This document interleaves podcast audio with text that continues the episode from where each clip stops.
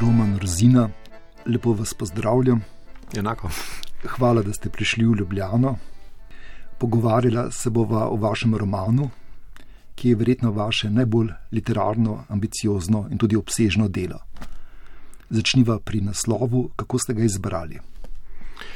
Ja, naslov se je pojavil uh, dokaj kmalo, sicer uh, ni bil pred samo knjigo, kot mi je nekje v vprašanju skušal potakniti samo Rugel v intervjuju za Bukla, ampak pojavil se je res zelo zgodaj, ko sem se odločil, da bom usporedno peljal človeško zgodbo nekega uh, pričevalca in uh, na pol fiktivno sicer, ampak možno zgodovinsko zgodbo nekega kraja, nekega uh, področja, ki ga je zaznamovalo rodarstvo.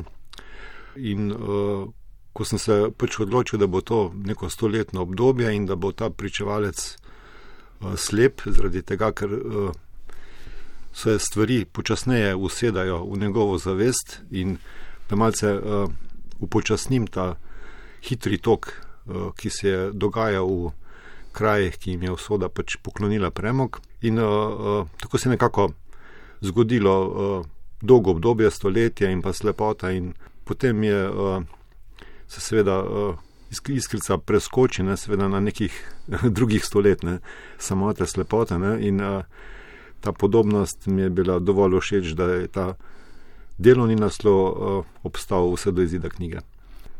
V romanu je neki lik res slep, ampak on vidi precej. Kdo je ta lik, kako ste ga zasnovali?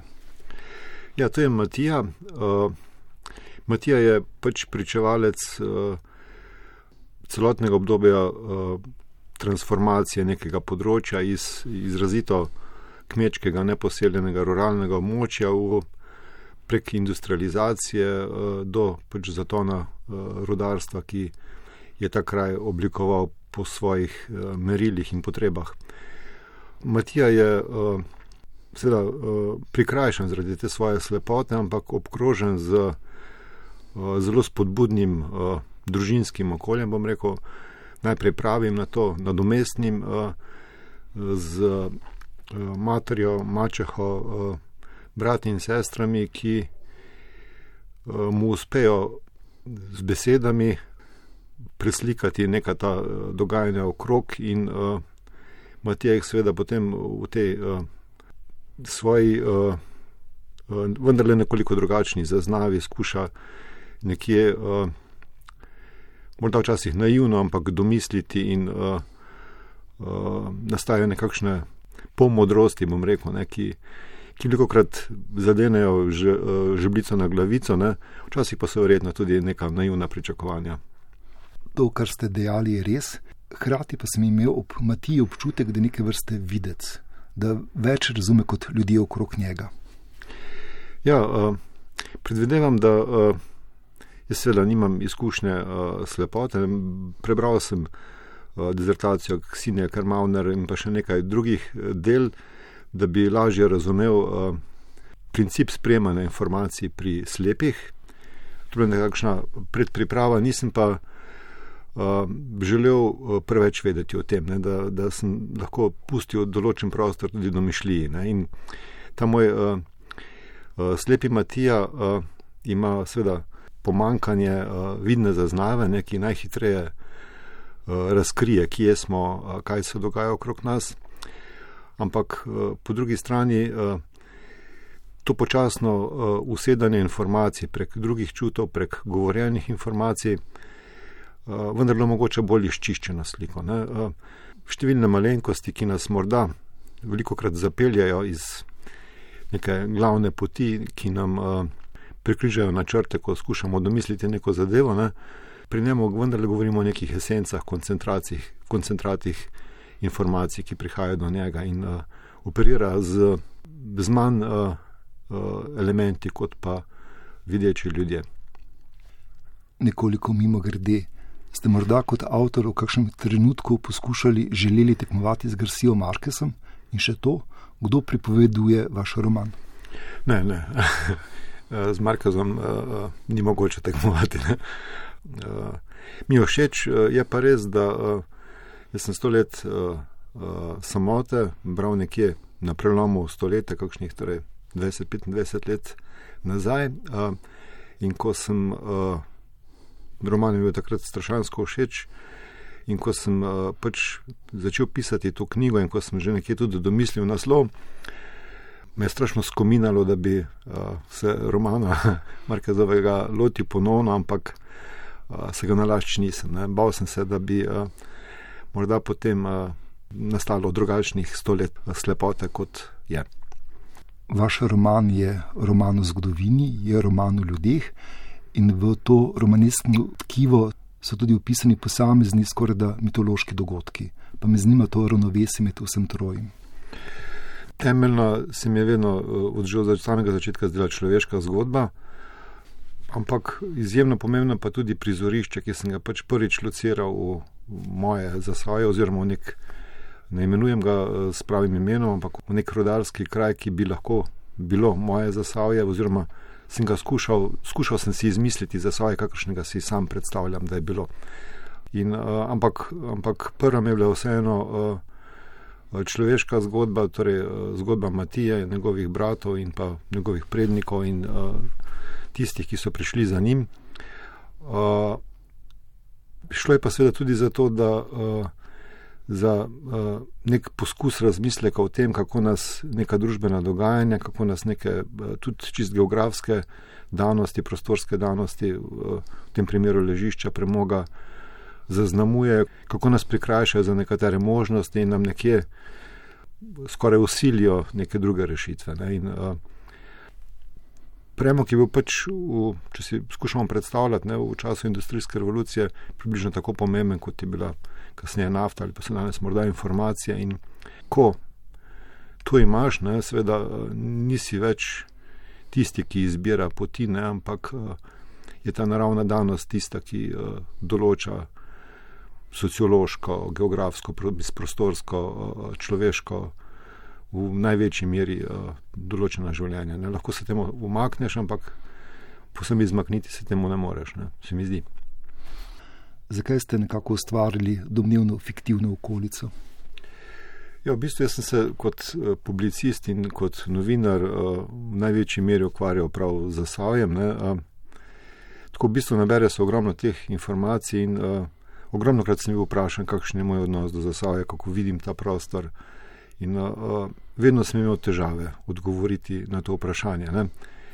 Ko sem, uh, ko sem nekje skušal ustvariti neko fiktivno zasavje, ki pa bo uh, podobno nekemu možnemu ali pa ne, uh, zasavju, ne, uh, sem, ko sem to napisal, ne, sem to tudi preveril pri prijateljici uh, Jani Mlaka Radamič, izvrstni etnologinji in odlični poznavalki življenja nekoč. Ne, in rekla, da bi pač da to zgodbo kupil, da je postavil muzej. Ne, je pač, eh, čeprav ni dokumentarna, ne, je, eh, je možna. Ne, in, da, ko sem bil kar vesel, se mi je zdelo, da sem pač dosegel enega teh ciljev, ne, hkrati sem pa tudi dobil odgovor, zakaj uh, vedno slabo odgovarjam na vprašanje, kakšen je moj odnos do zasavja. Ne, ker, ker nikoli nimaš časa toliko povedati. V tej oddaji vas potem zagotovo ne bom vprašal, kakšen je vaš odnos do zasavja. Hvala. Omenila sva Matija, ampak to sploh ni edini lik v vašem romanu. V vašem romanu je kupica likov in vsi imajo svoje pomembno mesto. Odigrajo neko vlogo, pridejo na oder romana, so na njem nekaj časa in potem mogoče odidejo nekam v zadje. Kako ste snovali to galerijo likov?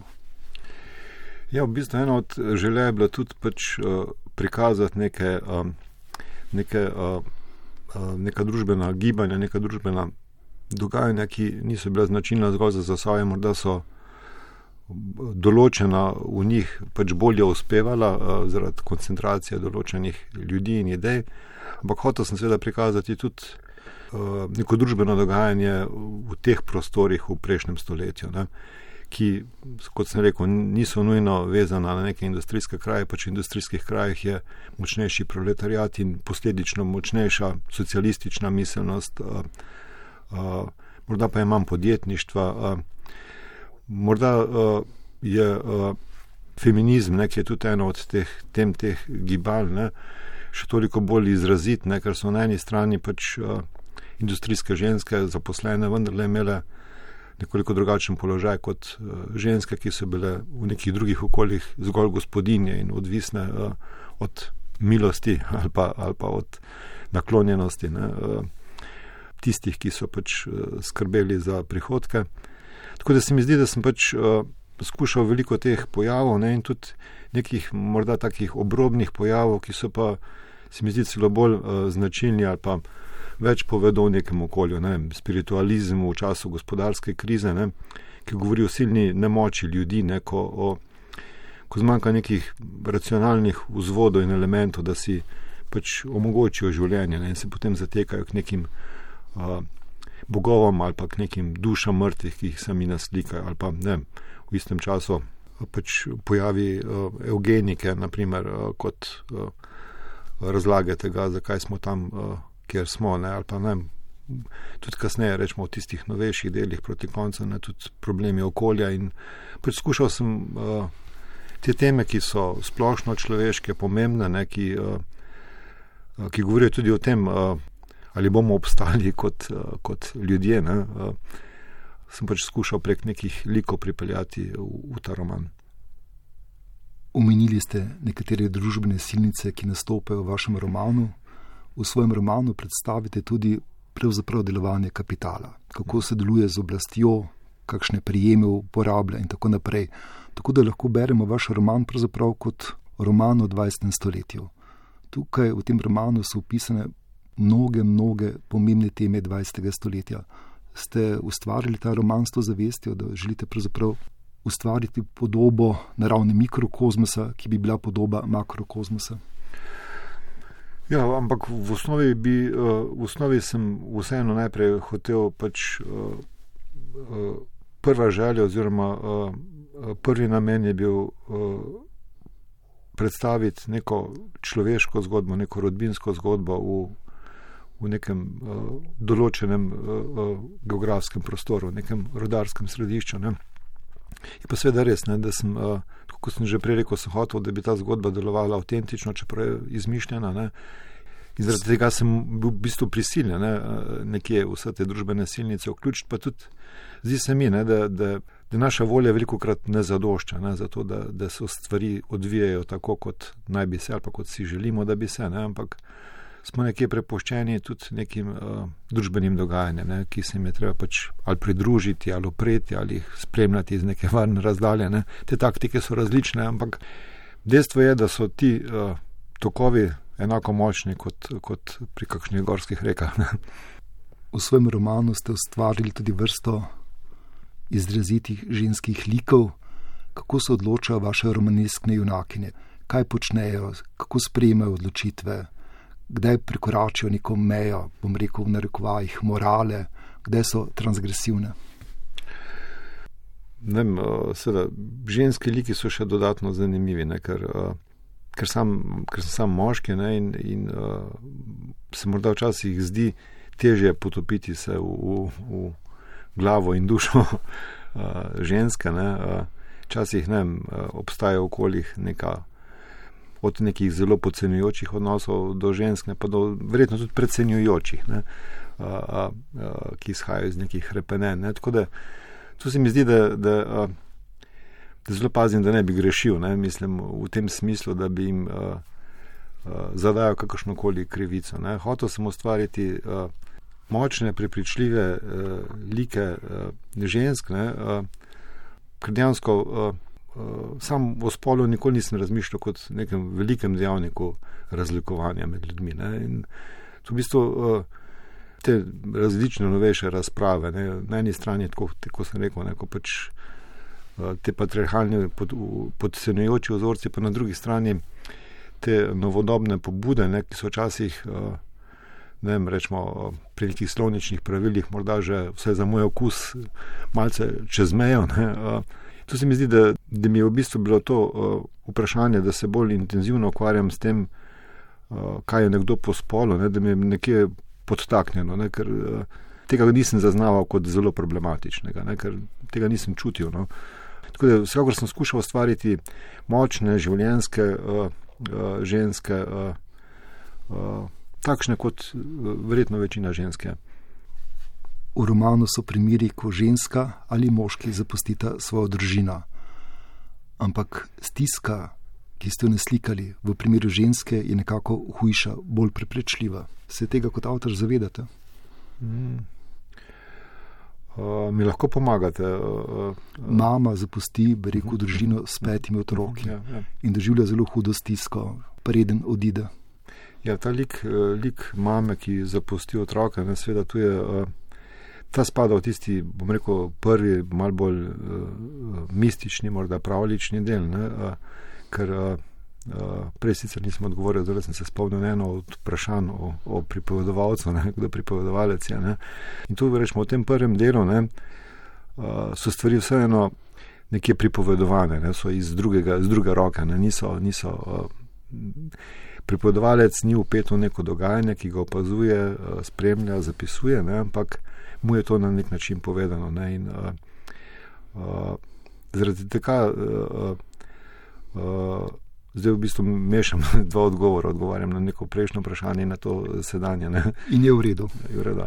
Ja, v bistvu, če najprej o tej pripovedovalski strategiji povem, ne, v bistvu ta pripovedovalec je tretji osebni, ampak ni vsevedni in je včasih zelo nezanesljiv. Ne. Bliže, ko je Matiji, bolj, bolj je natančen, Matiji se lahko usede tudi v možgane, lahko preverja njegove misli, je nekakšen Matijev uh, alter ego, bom rekel. Ne. Pri določenih stvarih je pa seveda bolj, ko so odmaknjene, ne, uh, manj ve. Ne. In tudi to sem nekje na začetku, sem si celo zadal za cilj, da bom dobesedni govor navajal zgolj takrat, kadar je prisoten Matija. Ne. To pravilo sem kasneje ne dvakrat kršil, ker ni delovalo. Ne.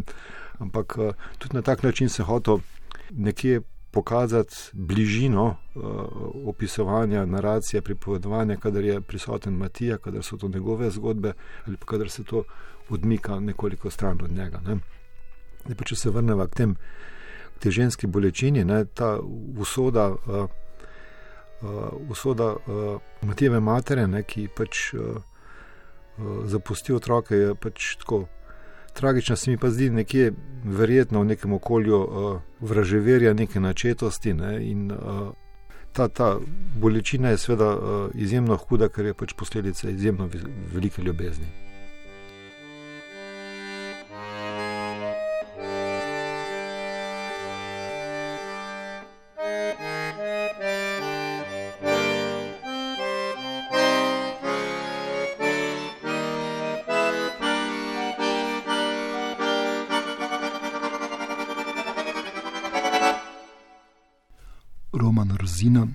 Pogovarjava se o vašem romanu z naslovom Sto let slabote.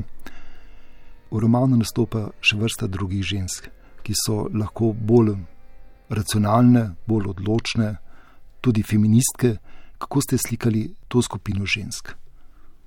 Ja, o, o, v bistvu sem jih hotel o, prikazati kot, o, kot močne, o, kot takšne, ki jih se upravičujem. Ja. Zanima me tole, ali jih slikate kot nekoga, na kogar vpliva družba, okolica, narava, socialna dogajanja, ali jih slikate tudi kot osebe, ki se lahko samostojno odločajo, pravzaprav nekako neodvisno od tega dogajanja. Najdejo, kot ženske, ki najdejo neko moč v sebi.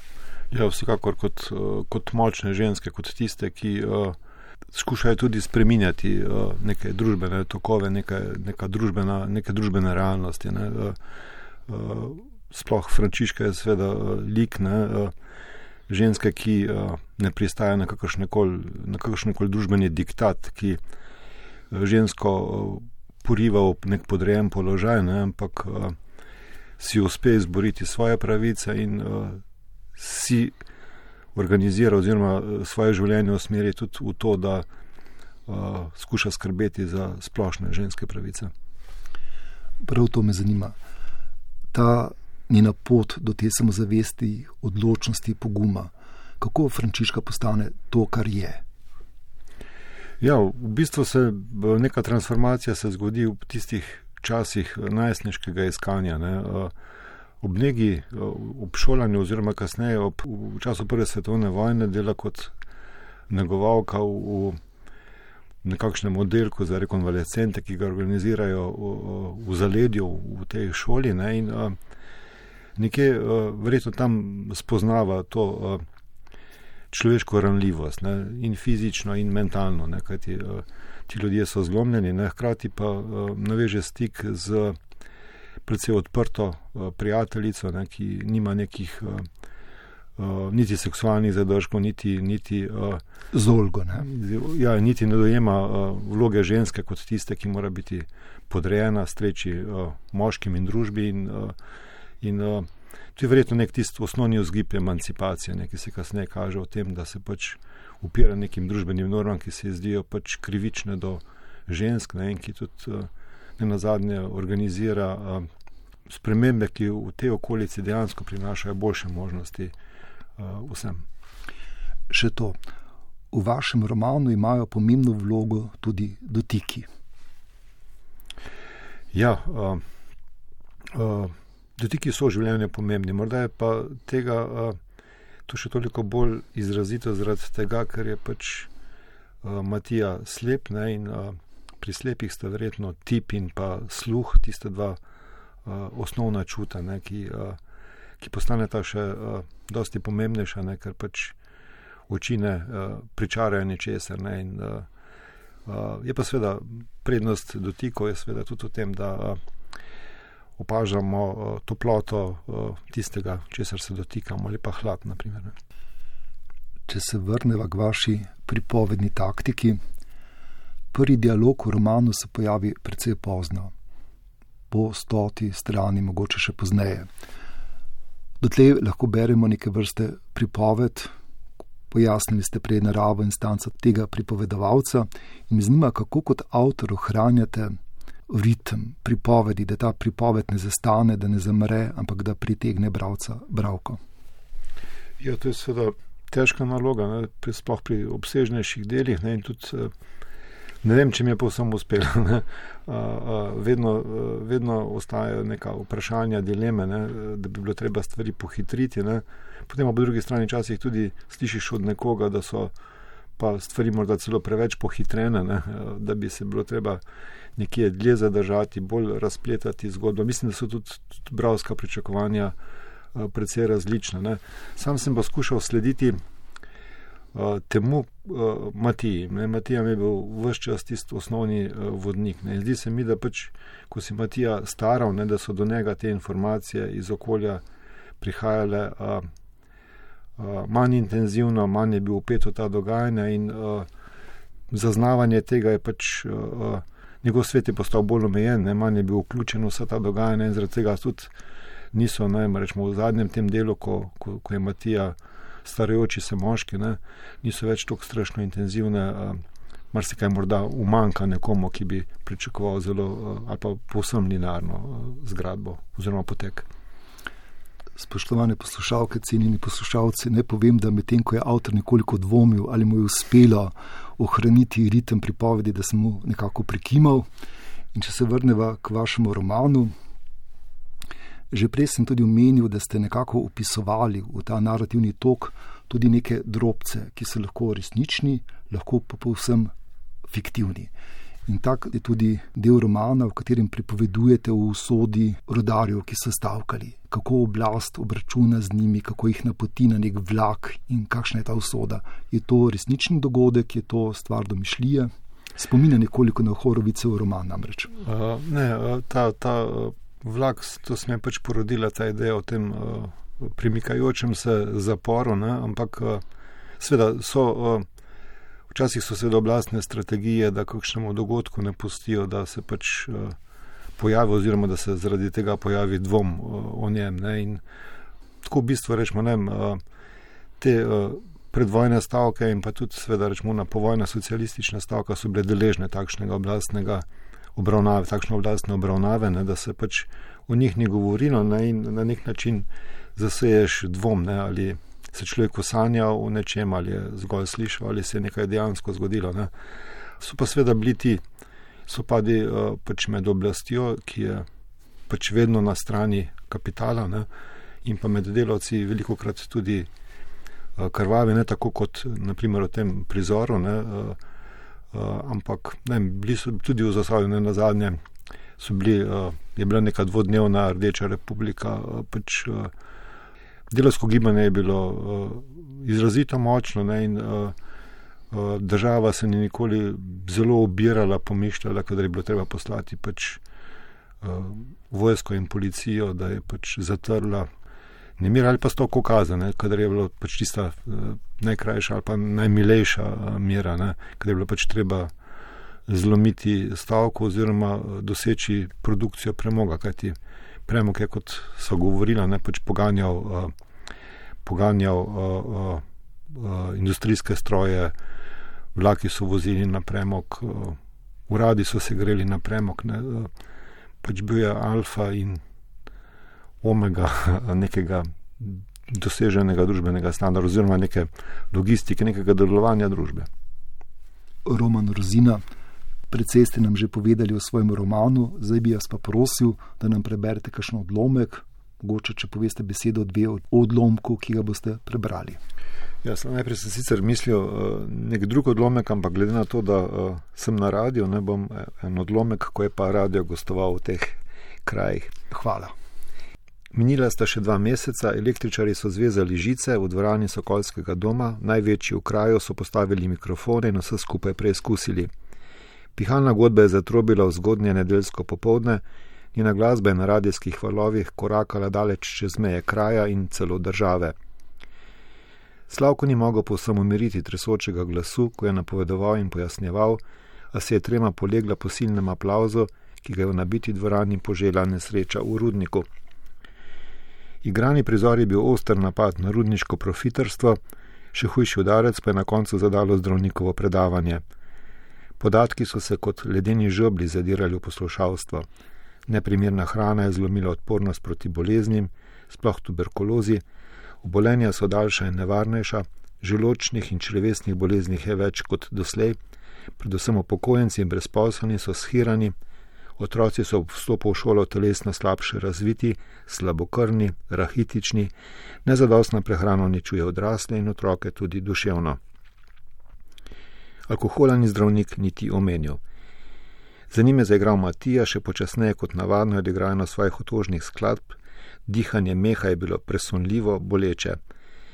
Slavko je slepega harmonikarja opletel v svoj precej patetičen zaključni nagovor. Dejal je, da po deželi jezdijo pozivi evgenikov, da država odločne poskrbi za zdravje narodovega telesa in čistost njegove krvi, vrstijo se klici k preštevanju ljudi in določanju njihove cene. Za je Matija manj vreden, sodbe brez prizivna, pa čeprav njem ne vedo ničesar. Res, da ima Matija okvarjene oči, a enako res tudi, da imajo lažni znanstveniki okvarjena um in dušo. Matijeva slepota je tragična, je končal njihova nevarna. Roman Rozina, hvala vam, ker ste prebrali odlomek. Roman, vem, da bo zvenelo patetično, je mogoče vaše življenjsko delo. Pa me zanima užitek, občutki ob njegovem nastajanju. Kaj vam je dajalo zadovoljstvo, da ste imeli občutek, da je to res to? Ja, najbolj, največje zadovoljstvo je seveda, ko, ko je roman napisan in ko se zgodi, da me ustavi kdo, ki ga niti ne poznam, pa mi reče, da je knjiga krasna. Želim vam čim več takšnih srečanj. Roman Rzina, hvala za vaš roman Sto let slepote in hvala za pogovor. Hvala.